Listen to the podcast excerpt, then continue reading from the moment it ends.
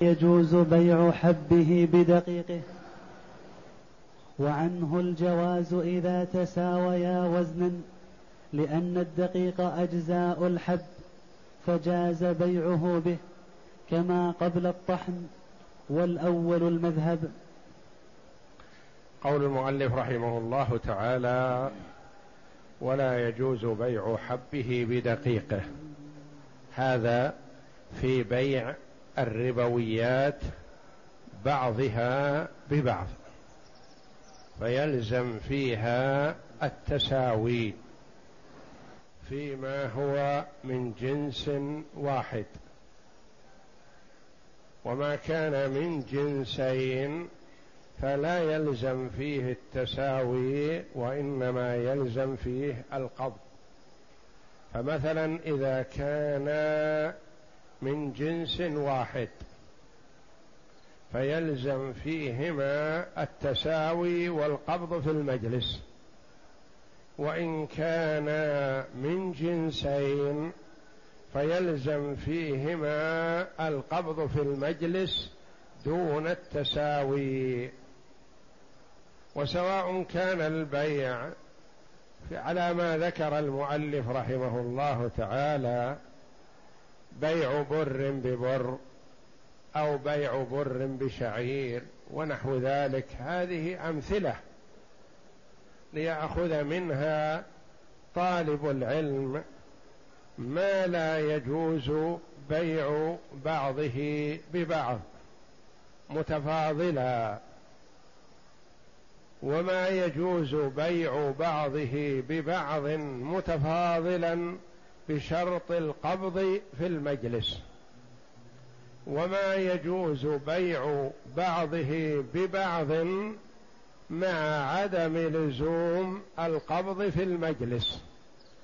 فمثلا أي نوع من أنواع الربويات إذا بعته بدراهم أو دنانير بذهب أو فضة أو ما هو يمثلهما فلا يلزم فيه القبض في المجلس ولا يلزم التساوي.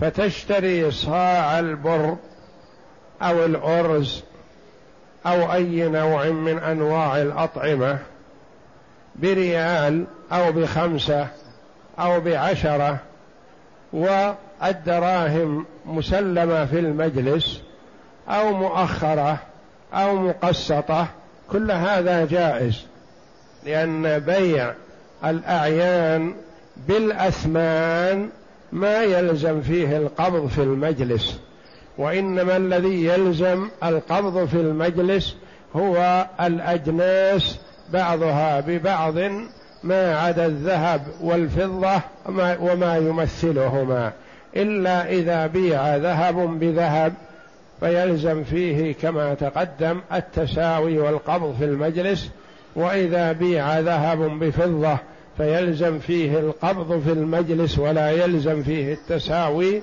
وإذا بيعت سائر الأعيان بذهب أو فضة فلا يلزم التساوي ولا القبض في المجلس.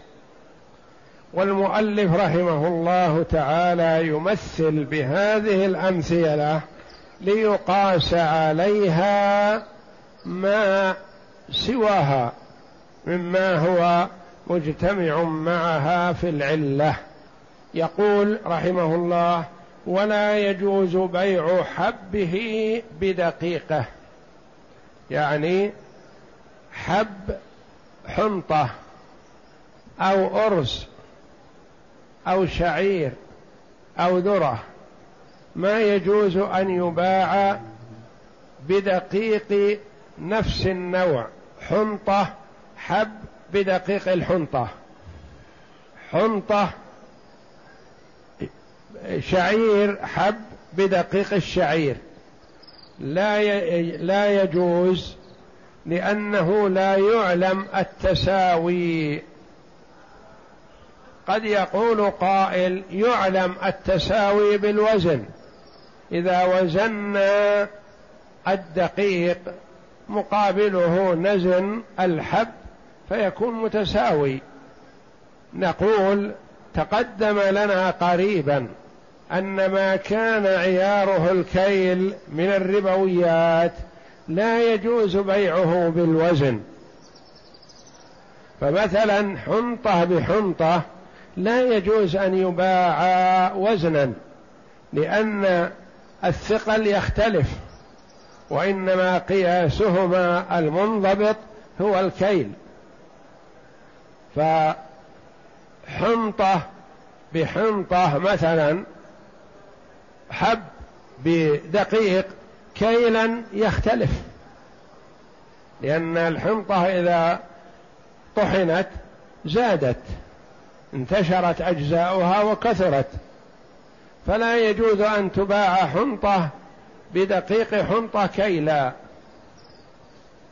ولا يجوز أن يباع أن تباع حنطة حب بحنطة دقيق وزنا لأن قياس ومعيار الحنطة هو الكيل.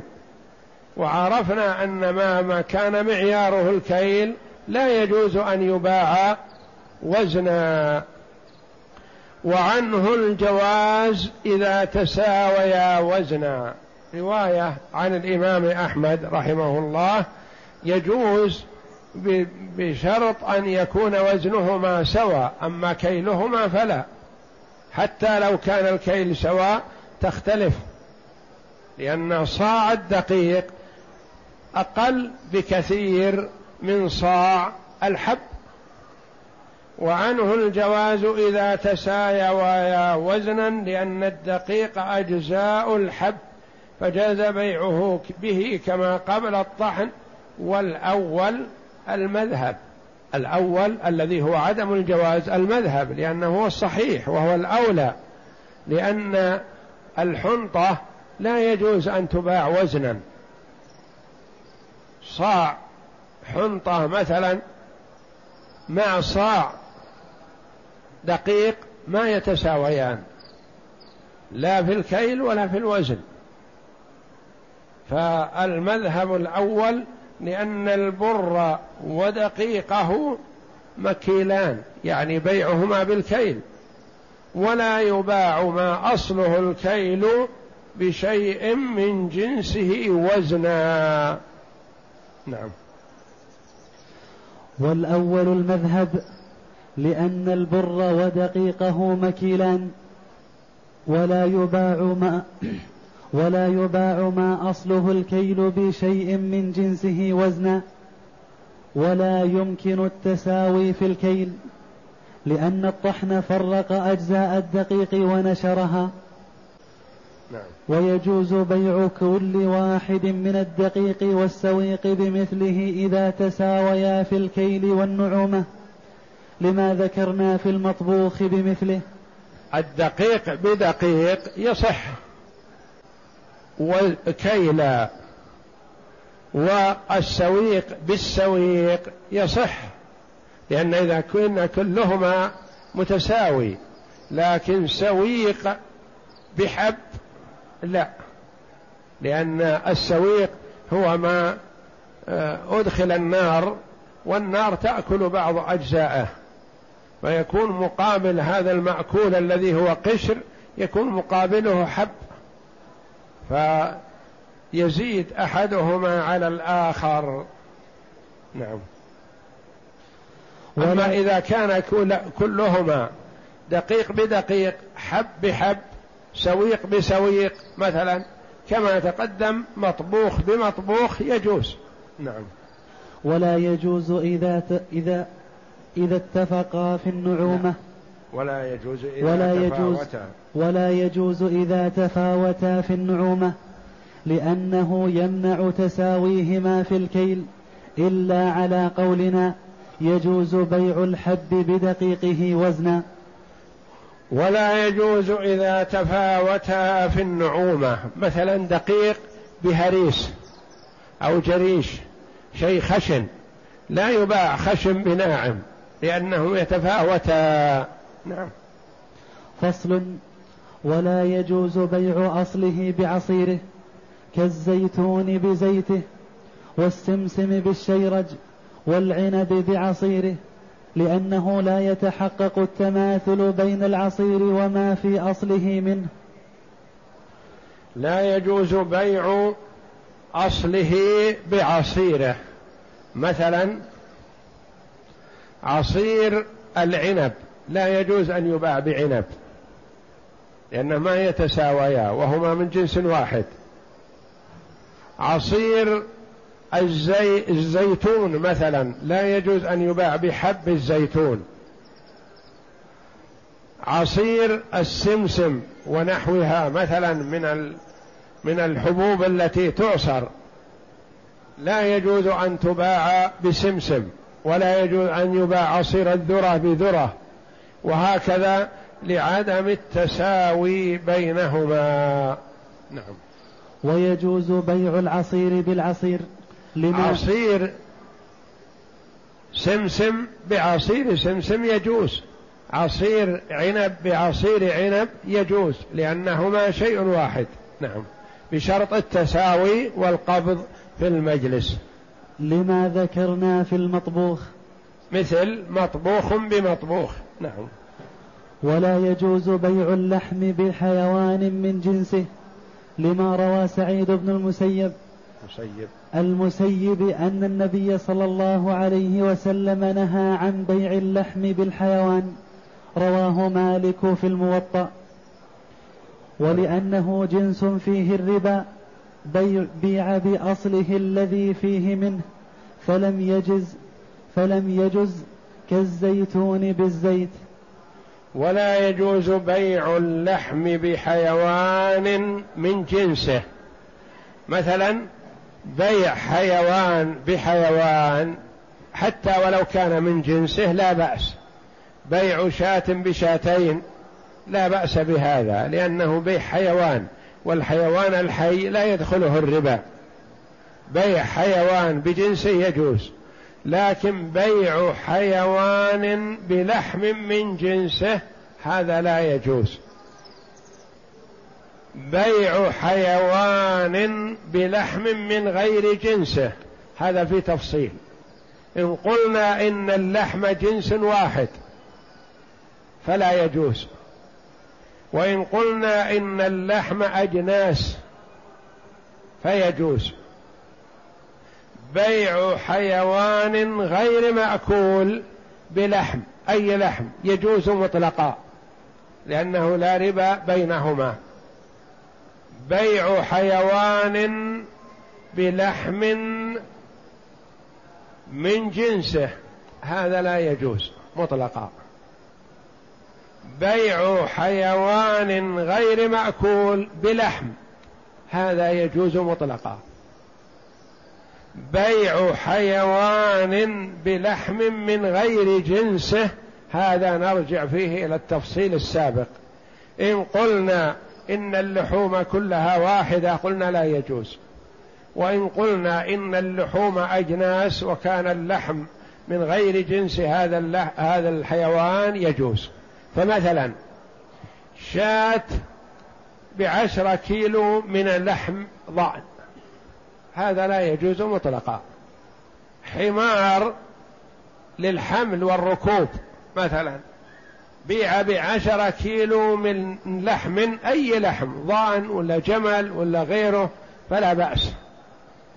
لأن هذا الحيوان الذي بيع الذي هو لا يستفاد من لحمه وليس المراد لحمه وإنما المراد يحمل حمار. بيع شاة بلحم من لحم الجمل. هذا فيه تفصيل. إذا قلنا إن اللحوم كلها جنس واحد قلنا لا يجوز. وإذا قلنا إن اللحوم أجناس وهذا لحم الإبل جنس والضأن جنس آخر. قلنا يجوز بيع شاة حية بلحم من لحم الجمل. نعم. وإن باع اللحم بحيوان لا يؤكل جاز لعدم ما ذكرنا. نعم. وإن باعه بحيوان مأكول غير أصله وقلنا هما جنس واحد لم يجز على الرواية التي تقول أن اللحوم كلها جنس واحد. نعم. لم يجز وإلا جاز. نعم. فصل ويجوز بيع اللبن باللبن حليبا كان أو رائبا وحليبا. حليبين. حليبين كان أو رائبا. أو, أو رائبا وحليب. أو رائبا وحليبا. يعني بيع اللبن باللبن جائز سواء كان اللبن مثلا رائب بلبن رائب هذا لا إشكال فيه. حليب رائب بلبن غير رائب هذا يجوز لأن المادة واحدة والتساوي واحد ما لم يكن في أحدهما ماء فإذا كان في أحدهما ماء فلا ينضبط ولا يحصل تساوي. لكن مثلا لبن مخضوض بروب مثلا رائب سواء لأن الرائب إذا اللبن الذي هو الروب إذا خض أصبح مثل اللبن ذاك بالتحريك. ما يحتاج إلى إضافة شيء عليه. نعم. لأن الرائب لبن خالص إنما فيه حموضة. في شيء من الحموضة والطعم ما يؤثر وإنما الذي يؤثر المقدار والوزن والكيل. نعم. ولا يجوز بيع لبن بما يستخرج منه من زبد وسمن ومخيض ولا يجوز بيع لبن بما يستخرج منه. يعني لبن فيه زبده. بزبد مستقل. ما يجوز. لأن هذا فيه من هذا. وهو مقصود. مثلا بيع لبن فيه زبده بسمن. لا يجوز. لأن الزبد معاله إلى السمن. لأنه مستخرج منه أشبه الزيتون بالزيت. بيع الزيتون بالزيت تقدم لنا أنه لا يجوز لأن الزيتون مشتمل على الزيت ولا يعلم مقدار الزيت بالنسبة للزيت الذي مستقل. نعم. ولا زبد بسم لأنه مستخرج منه أشبه الزيتون بالزيت. وعنه يجوز بيع اللبن بالزبد إذا كان أكثر من الزبد الذي في اللبن والسمن مثله. يعني وعنه يجوز بيع اللبن بالزبد إذا كان أكثر الذي هو اللبن أكثر من الزبد الذي الذي هو الزبد المستقل. إذا كان أكثر من الزبد الذي في اللبن يعني كأن الزبد الذي في اللبن يكون غير مقصود. مقصود اللبن. نعم. وهذا كمسألة مد عجوة والظاهر تحريمه. مد عجوة تقدم عرفناه وهو أن يبيع مد تمر ودرهم بمد ودرهم أو مد ودرهم بمدين أو مد ودرهم بدرهمين. هذه كلها يقال لها مد عجوة وعجوة تمر من تمور المدينة. نعم. والظاهر تحريمه ولا يجوز بيع لبن. ظاهر تحريمه لأنه يصير مثل مد عجوة يعني بيع شيء بشيء معه غيره. فعلى هذا يكون من ضبط الشيئان اللذان هما من جنس واحد. نعم. ولا يجوز بيع لبن مائع بجامد. لأنهما يتفاضلان. ولا يجوز بيع لبن مائع يعني مثل الماء. بجامد كأن يكون روب جامد غير متحرك. بخلاف الخاثر فهو يجوز كما تقدم لأن هذا مثل هذا. لكن هذا رايب يعني صاير جامد كتلة واحدة.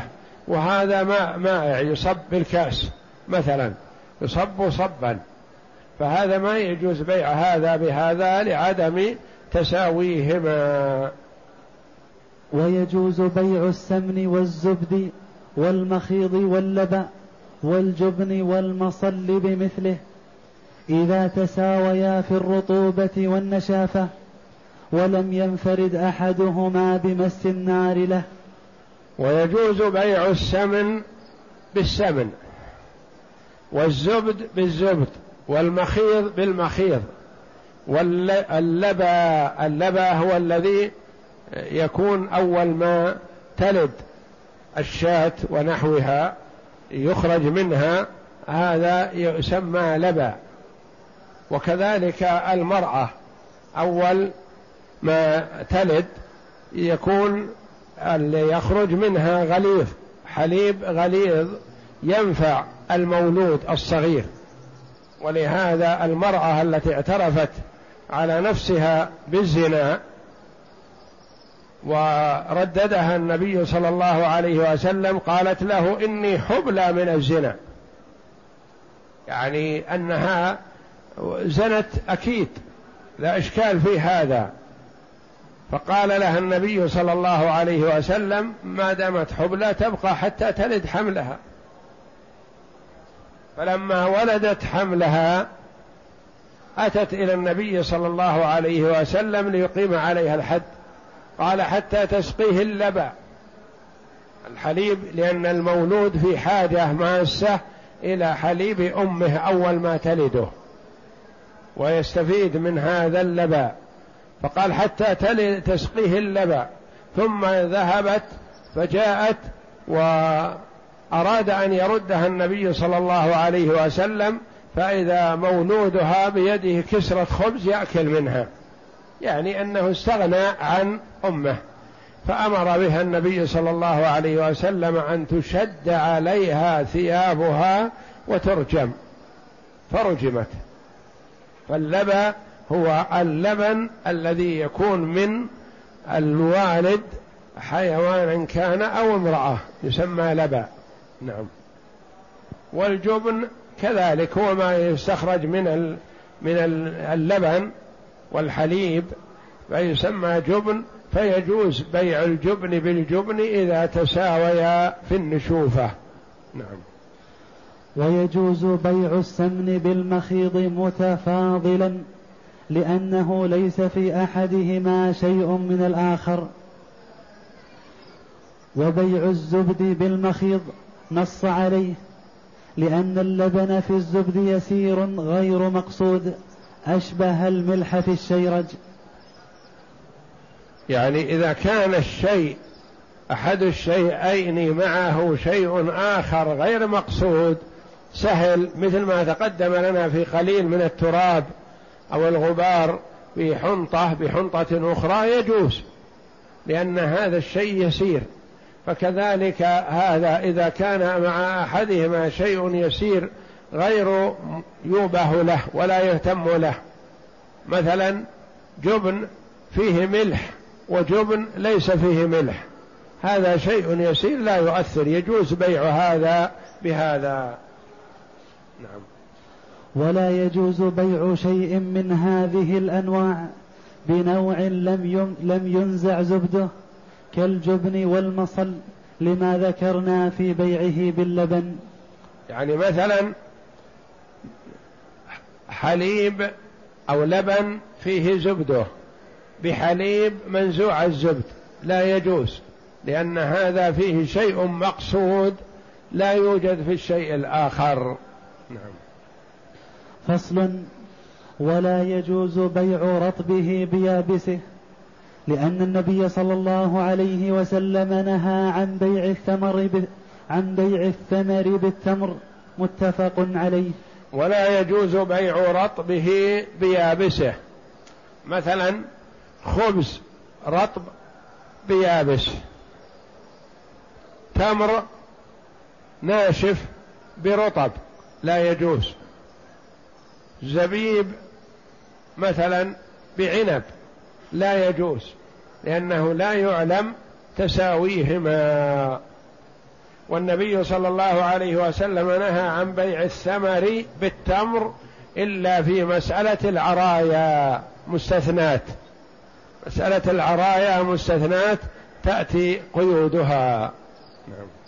وعن سعد بن أبي وقاص أن النبي صلى الله عليه وسلم سئل عن بيع الرطب بالتمر فقال أينقص الرطب إذا يبس؟ قالوا نعم فنهاه عن ذلك. أخرجه أبو داود. فنهى السائل يسأل النبي صلى الله عليه وسلم هل يجوز أن نبيع الرطب بالتمر؟ فالنبي صلى الله عليه وسلم عنده الحكم الشرعي لكن الحكم الشرعي متوقف على معرفة شيء عند أهل الصنف. فهو سأل صلى الله عليه وسلم أهل الصنف قال هل ينقص الرطب إذا يبس؟ يعني صاع من الرطب. ماذا يكون إذا جف وصار تمرا؟ هل ينقص؟ قالوا نعم ينقص.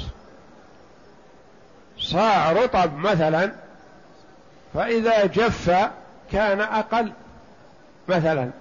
قال لا. ولذا قال النبي صلى الله عليه وسلم أينقص الرطب إذا يبس؟ قالوا نعم ينقص يضمر ويتقارب. قالوا نعم فنهى قال يعني لا تبيع التمر بالرطب. التمر هو الناشف والرطب هو الرطب. يعني لا يباع هذا بهذا لعدم معرفة تساويهما. نعم. فنهى وعلل بأنه ينقص عن يابسه. فما دام أن الشيء ينقص بعضه عن بعض فلا يباع جنس بجنسه. مثلا أما إذا كان من جنسين فلا بأس حتى رطب بيابس أو غيره. فمثلا باع تمرا بزبيب أو رطبا بزبيب. الرطب رطب تمر رطب بزبيب ناشف. هذا لا بأس لأنه لا يشترط بينهما التساوي. لكن عنب بزبيب لا تمر برطب لا. رطب بزبيب أو تمر بزبيب لا بأس. نعم. فدل على أن كل رطب يحرم بيعه بيابسه. ويجوز بيع رطبه برطبه. يجوز بيع رطبه برطبه يعني رطب برطب. عنب بعنب. حنطة. مثلا في سنبلها رطبة غضة بحنطة مثلها مثلا. لا بأس. أما إذا كان أحدهما رطب والآخر يابس فلا. نعم. لأن مفهوم نهيه عن بيع الثمر بالتمر إباحة بيعه بمثله ولأنهما تساويا في الحال على وجه لا يتفرد أحدهما بالنقصان فجاز بيعه به كاللبن. متساويين إذا نقص نقص معه. رطب برطب ناشف بناشف وهكذا. نعم. فجاز بيعه به كاللبن باللبن وذكر الخرقي كاللبن باللبن كلاهما سائل نعم. وذكر الخرقي أن اللحم لا يباع باللحم إلا إذا تناهى جفافه. يعني يقول ما, ما يجوز أن يباع لحم الآن ذبح بلحم ذبح قبل خمس أو ست ساعات. لأن اللحم الذي ذبح قبل خمس أو ست ساعات نشف وقطر ماؤه بخلاف اللحم الذي الآن ذبح لا, يكون رطب ويكون ثقيل. فلا يباع هذا بهذا وزنا. نعم. فدل على أن كل رطب لا يجوز بيعه بمثله. اختاره أبو حفص لأنهما لم يتساويا حال الكمال. والمذهب الجواز. المذهب الجواز ما دام لحما بلحم حتى وإن كان أحدهما ذبح قبل فترة والآخر الآن ذبح فلا بأس لأن الفرق في هذا شيء يسير. وقال القاضي لم أجد بما قال الخرقي رواية عن أحمد. الخرقي يمنع بيع اللحم بلحم حتى إلا إذا نشفا معا أو كانا آه الآن ذبحا معا. والقاضي أبو يعلى يقول هذا الكلام الذي قاله الخرقي رحمهم الله ما وجدته رواية عن أحمد وإنما هو قول عنه. والله أعلم وصلى الله وسلم وبارك على عبده ورسول نبينا محمد وعلى آله وصحبه أجمعين.